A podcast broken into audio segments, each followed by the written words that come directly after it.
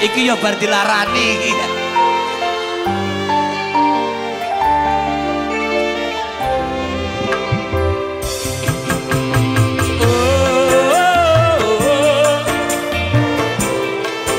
Assalamualaikum warahmatullahi wabarakatuh. Waalaikumsalam warahmatullahi wabarakatuh. Selamat pagi, selamat siang, selamat sore, dan selamat malam para sobat hangat di mana pun anda berada. Kembali lagi bersama saya Ahmad Rivaldi. Dan pada malam ini saya tidak ditemani dengan rekan saya Ali Fasya karena berhubung dia sedang ada kegiatan yang tidak bisa ditunda sehingga akhirnya saya ditemani oleh teman saya, teman kampus dulu Uh, dan seka- sampai sekarang masih suka komunikasi, masih suka interaksi juga, yaitu Mas Yasin Adha. Halo semuanya. Halo Mas Yasin, apa gimana kabarnya? Alhamdulillah baik. Alhamdulillah baik ya. Dan uh, sibuk apa nih Mas Yasin? Sibuk kerjaan skripsi sih sekarang. Oke, sibuk kerjaan skripsi. Nah, uh, berhubung ada Mas Yasin di sini, gue mau uh, bicara pembahasan yang sangat dalam, Mantap. sangat dalam dan sangat apa ya? Sangat Sin, sebelumnya uh, mic-nya dideketin dulu. Oke Cek, udah. Nah, oke ya. Oke dong. Nah, uh, jadi kita mau membahas masalah Didi Kempot. Oh gitu. Iya, masalah almarhum Didi Kempot yang baru saja beliau meninggalkan kita, meninggalkan kita semua uh, menuju uh, dunia yang uh, yang bukan dunia kita, Ya betul. ya. Yakni meninggalkan kita pada hari Selasa tanggal 5 Mei. 5 Mei betul. 5 Mei ya, 5 Mei Ya. kemarin. Nah, Betul. jadi uh, sebelumnya sih kita kasih tahu dulu ya, kita ini sama-sama sobat ambiar ya sini ya. Betul sekali. Dari kapan nih kita sobat ambiar ya? Dari kapan ya? Kayak setahun lalu dah. Setahun lalu ya. Iya. Nah iya tuh gua gua tuh sama Yasin tuh kalau ngumpul tuh nggak jauh dari setel lagunya Mas Didi Kempot ya. Yoi. Lagu kesukaan lo apa nih Sin? Lagu kesukaan gue banyak sih sebetulnya. Hah? Tapi sih yang paling dominan Oke. lagu ini Sewu Kuto. Oh Sewu Kuto Wis tak liwati. Asik Nah eh, Kalau gue sih sukanya sama lagu Cidro Oh gitu. Iya gue suka sama lagunya Cidro Eh, Tapi Itu juga termasuk lagu yang difavoritkan sama Mas Didi Kempot ya Iya betul karena itu pembuatan tahun 1989. Wih kira-kira lu udah, lu udah apal aja nih eh, Oh iya dong. Mas Didi Kempot Karena Coba. gue waktu itu Mm-mm. nonton TV kan tenar tuh Oke jadi kempot Hmm. naik daun ke TV TV swasta dibuat sebagai sebuah penghargaan untuk Didi Kempot yaitu diberi gelar God of the Broken Heart. Eh The God- Godfather of Broken Heart. Maaf maaf, maaf salah The salah. Godfather of Broken Heart. Iya. Itu julukan dari para sobat ambiar ya? para sobat ambiar. Telah kayak apa ya? Eh, udah karirnya tuh udah hampir mau puncak ternyata. Oke. Mas Didi Kempot ini gitu. Jadi dengan dengan apa ya? Waktu itu tenor di YouTube-nya Mas Gofar Ilman ya? Nah iya benar benar benar. Nah itu gue mulai jatuh cinta dengan Didi Kempot pas itu YouTube-nya Mas Ya. Bang Gofar Hilman itu. Bang Gofar Hilman betul. Yang gak diprediksi kan? Iya. Hingga akhirnya itu bukan para orang tua lagi yang nonton pas di YouTube-nya Gofar Hilman. Eh yang YouTube. Yang live langsung di vlognya Gofar Hilman. Tetapi di situ banyak kalangan pemuda. Wah. Wah hebat banget di situ tuh. Iya. Anak-anak muda justru yang jadi penggemar setia ya. Iya Mas Didi betul Kempot hingga akhirnya mereka disebut sobat ambiar. Sobat ambiar terus set boys iya. Set girls. Kalau untuk orang tuanya Betul sekali. Aduh. Nah, eh, menurut lo nih, eh, lo mulai jatuh cinta dengan Didi Kempot dari kapan?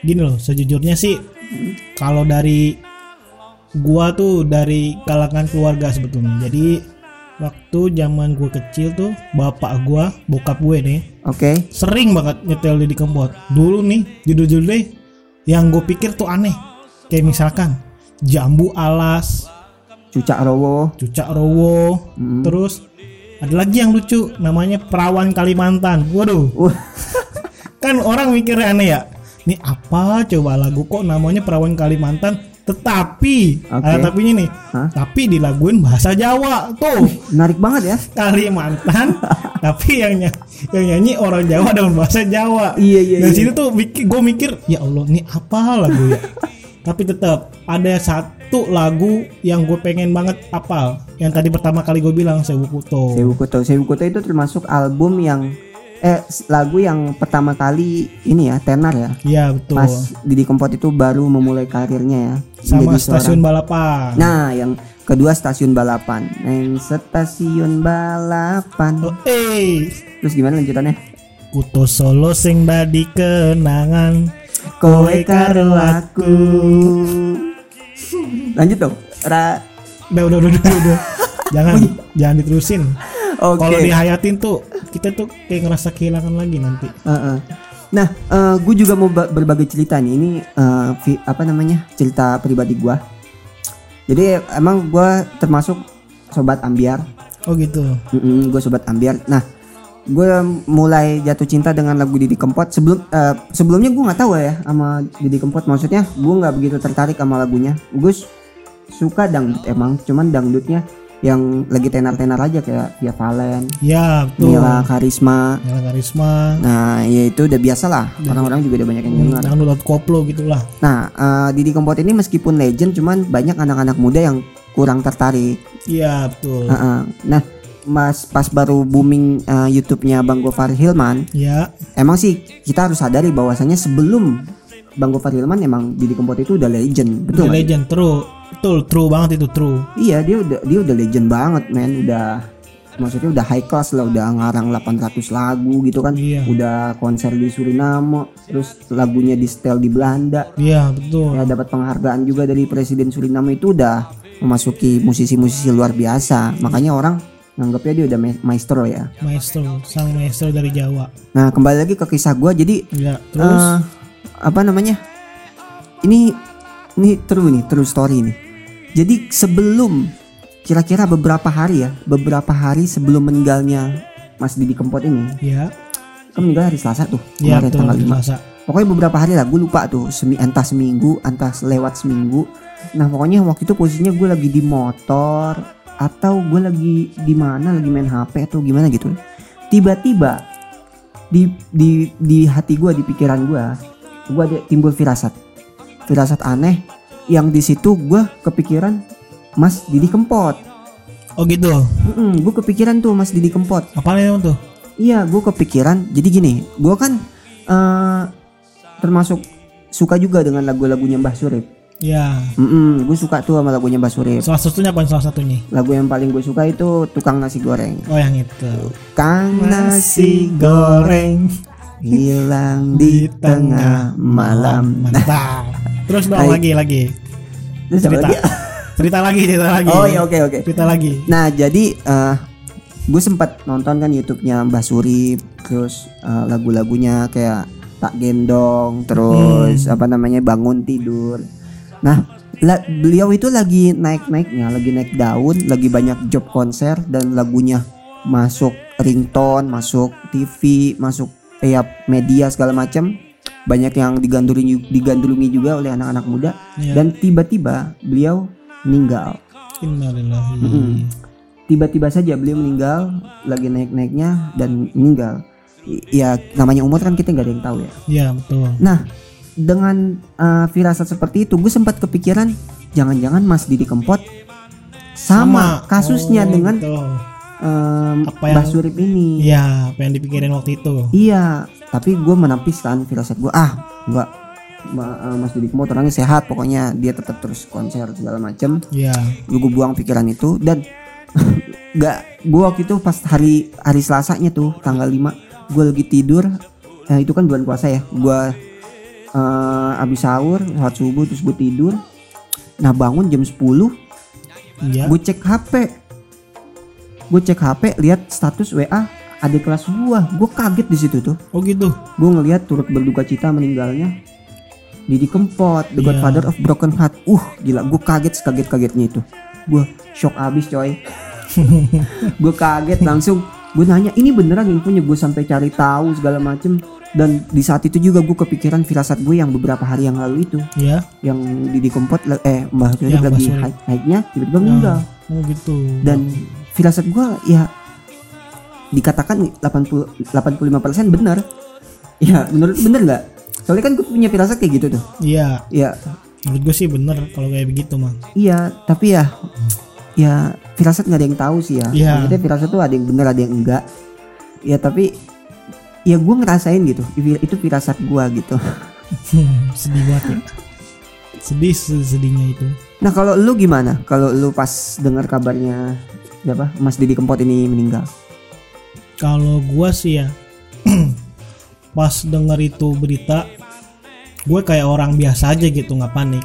Soalnya gini loh kan waktu itu ada tuh yang soal Kim Jong Un meninggal oke. yang di Korea Selatan itu. Oh iya iya iya ternyata usut punya usut ternyata konspirasi doang. Hmm. Gitu. jadi lu sempat nggak percaya gitu? Sempat gak percaya. Heeh. karena kan gue lihat kebanyakan dari TV-TV swasta nih selama pasca pandemik nih eh, Didi Kempot selalu tayang oh iya selalu benar. mengadakan konser amal gitu iya jadi kan di pikiran gue terlalu terlalu jadi ah nggak bakal mungkin Mas Didi Kempot atau men- meninggal Hmm. soalnya kan sehat bugar segala macem lah Hmm.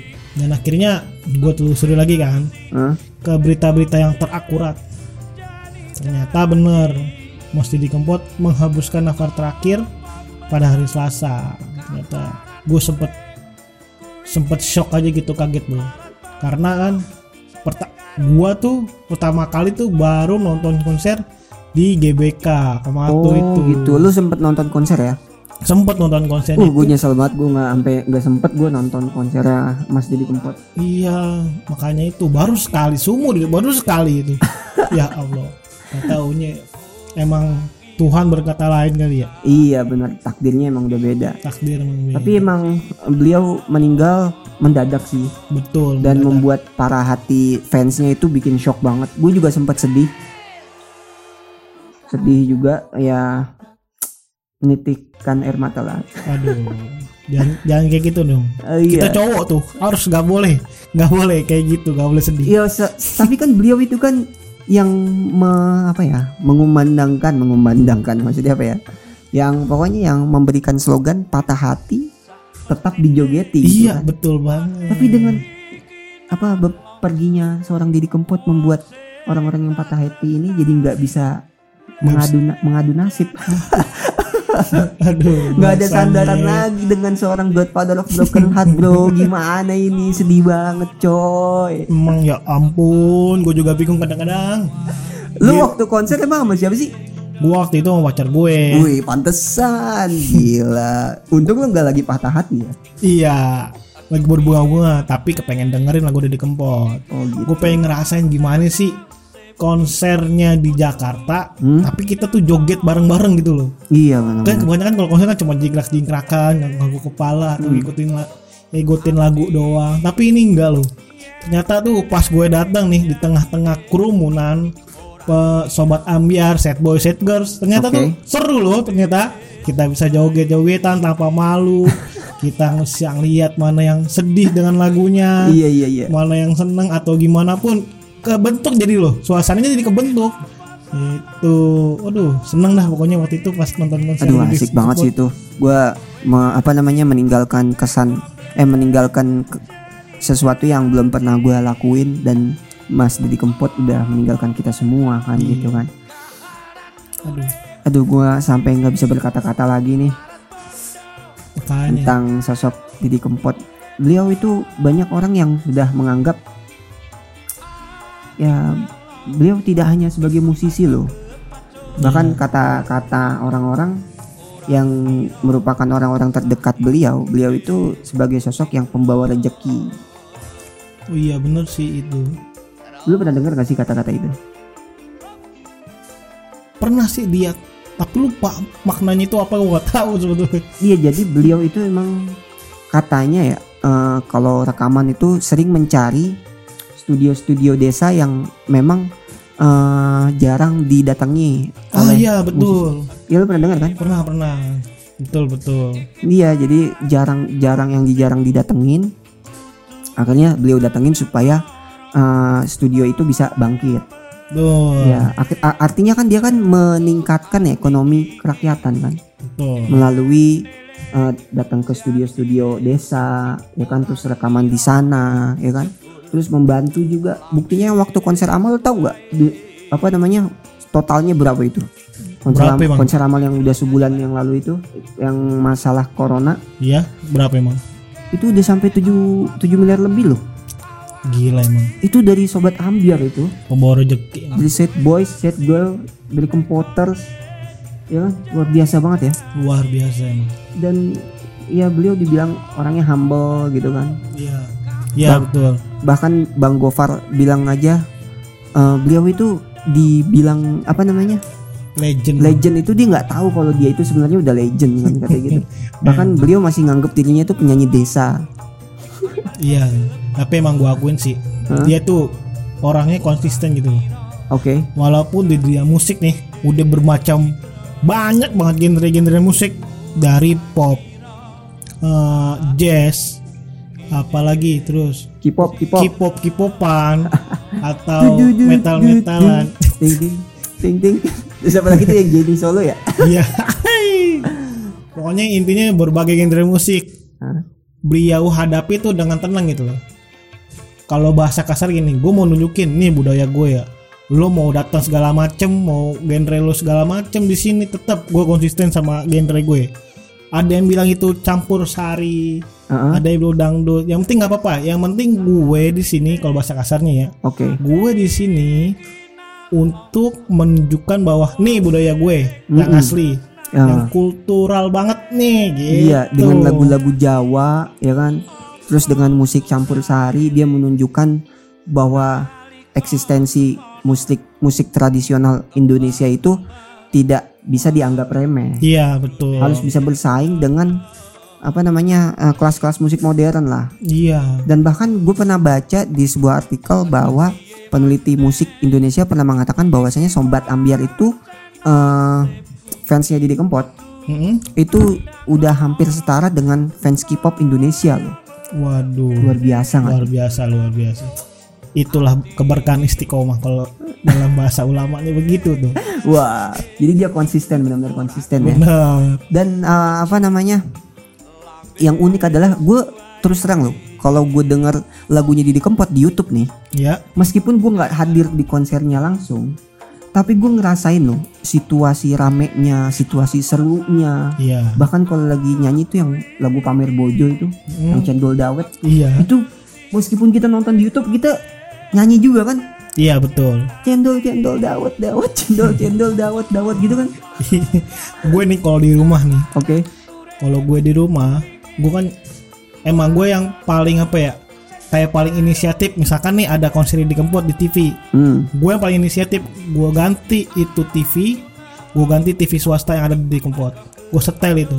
Dan semua tuh dari adik gue yang cowok Hmm. abang gue bapak gue emak gue tuh nonton loh ternyata mereka tuh kagum. Gila nih orang nggak ada habis-habisnya tenarnya. Sampai tua pun masih tenar. Tuh gila gak orang tua gue ngomong kayak gitu? Keluarga lo gimana responnya pas jadi kempot meninggal? Ya sama sih sebetulnya kayak sobat ambiar yang lainnya. Ngerasa shock dan sedih.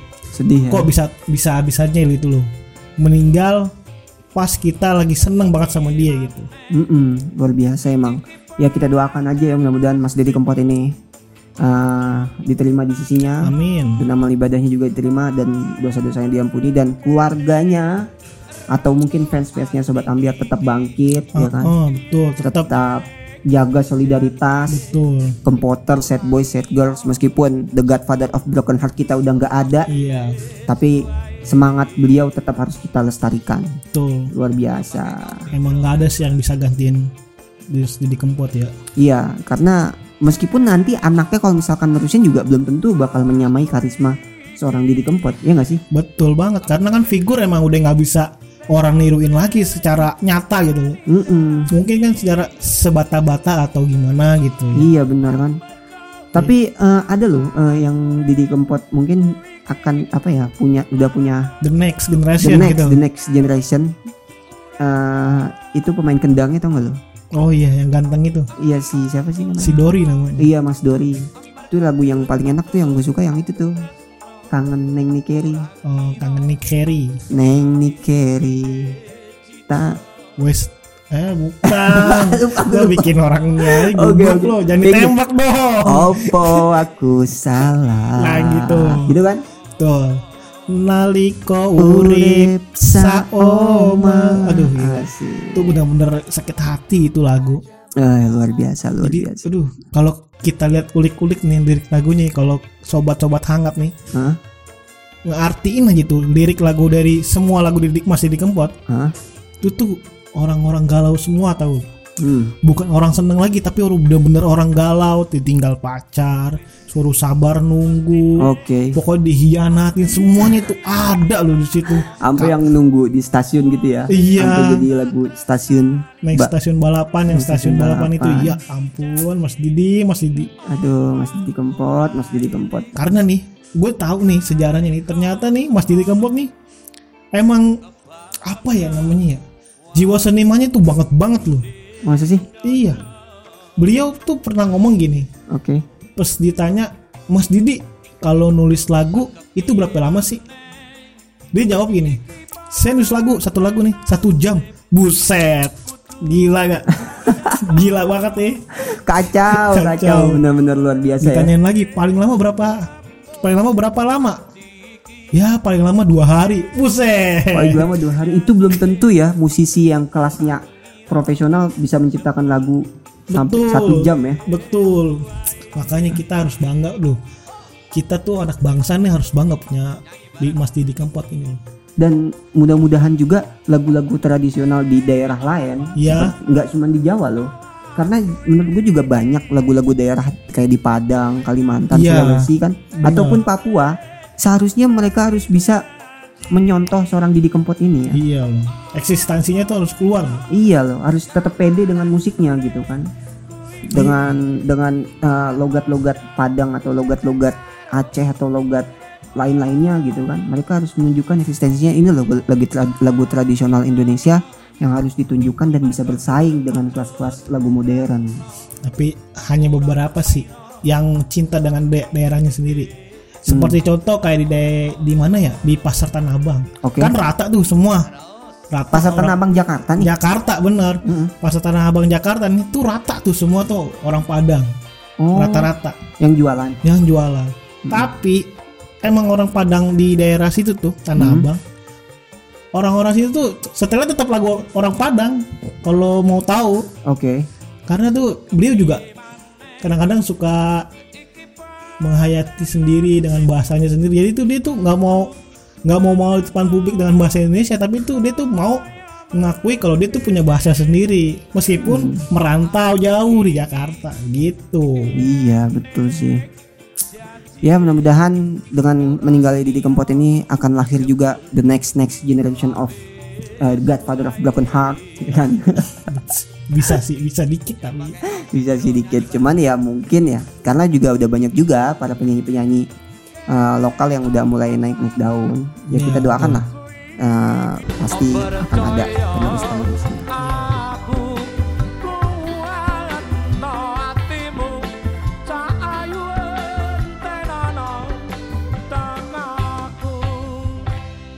wis, wis Dilapi dhisik, dilapi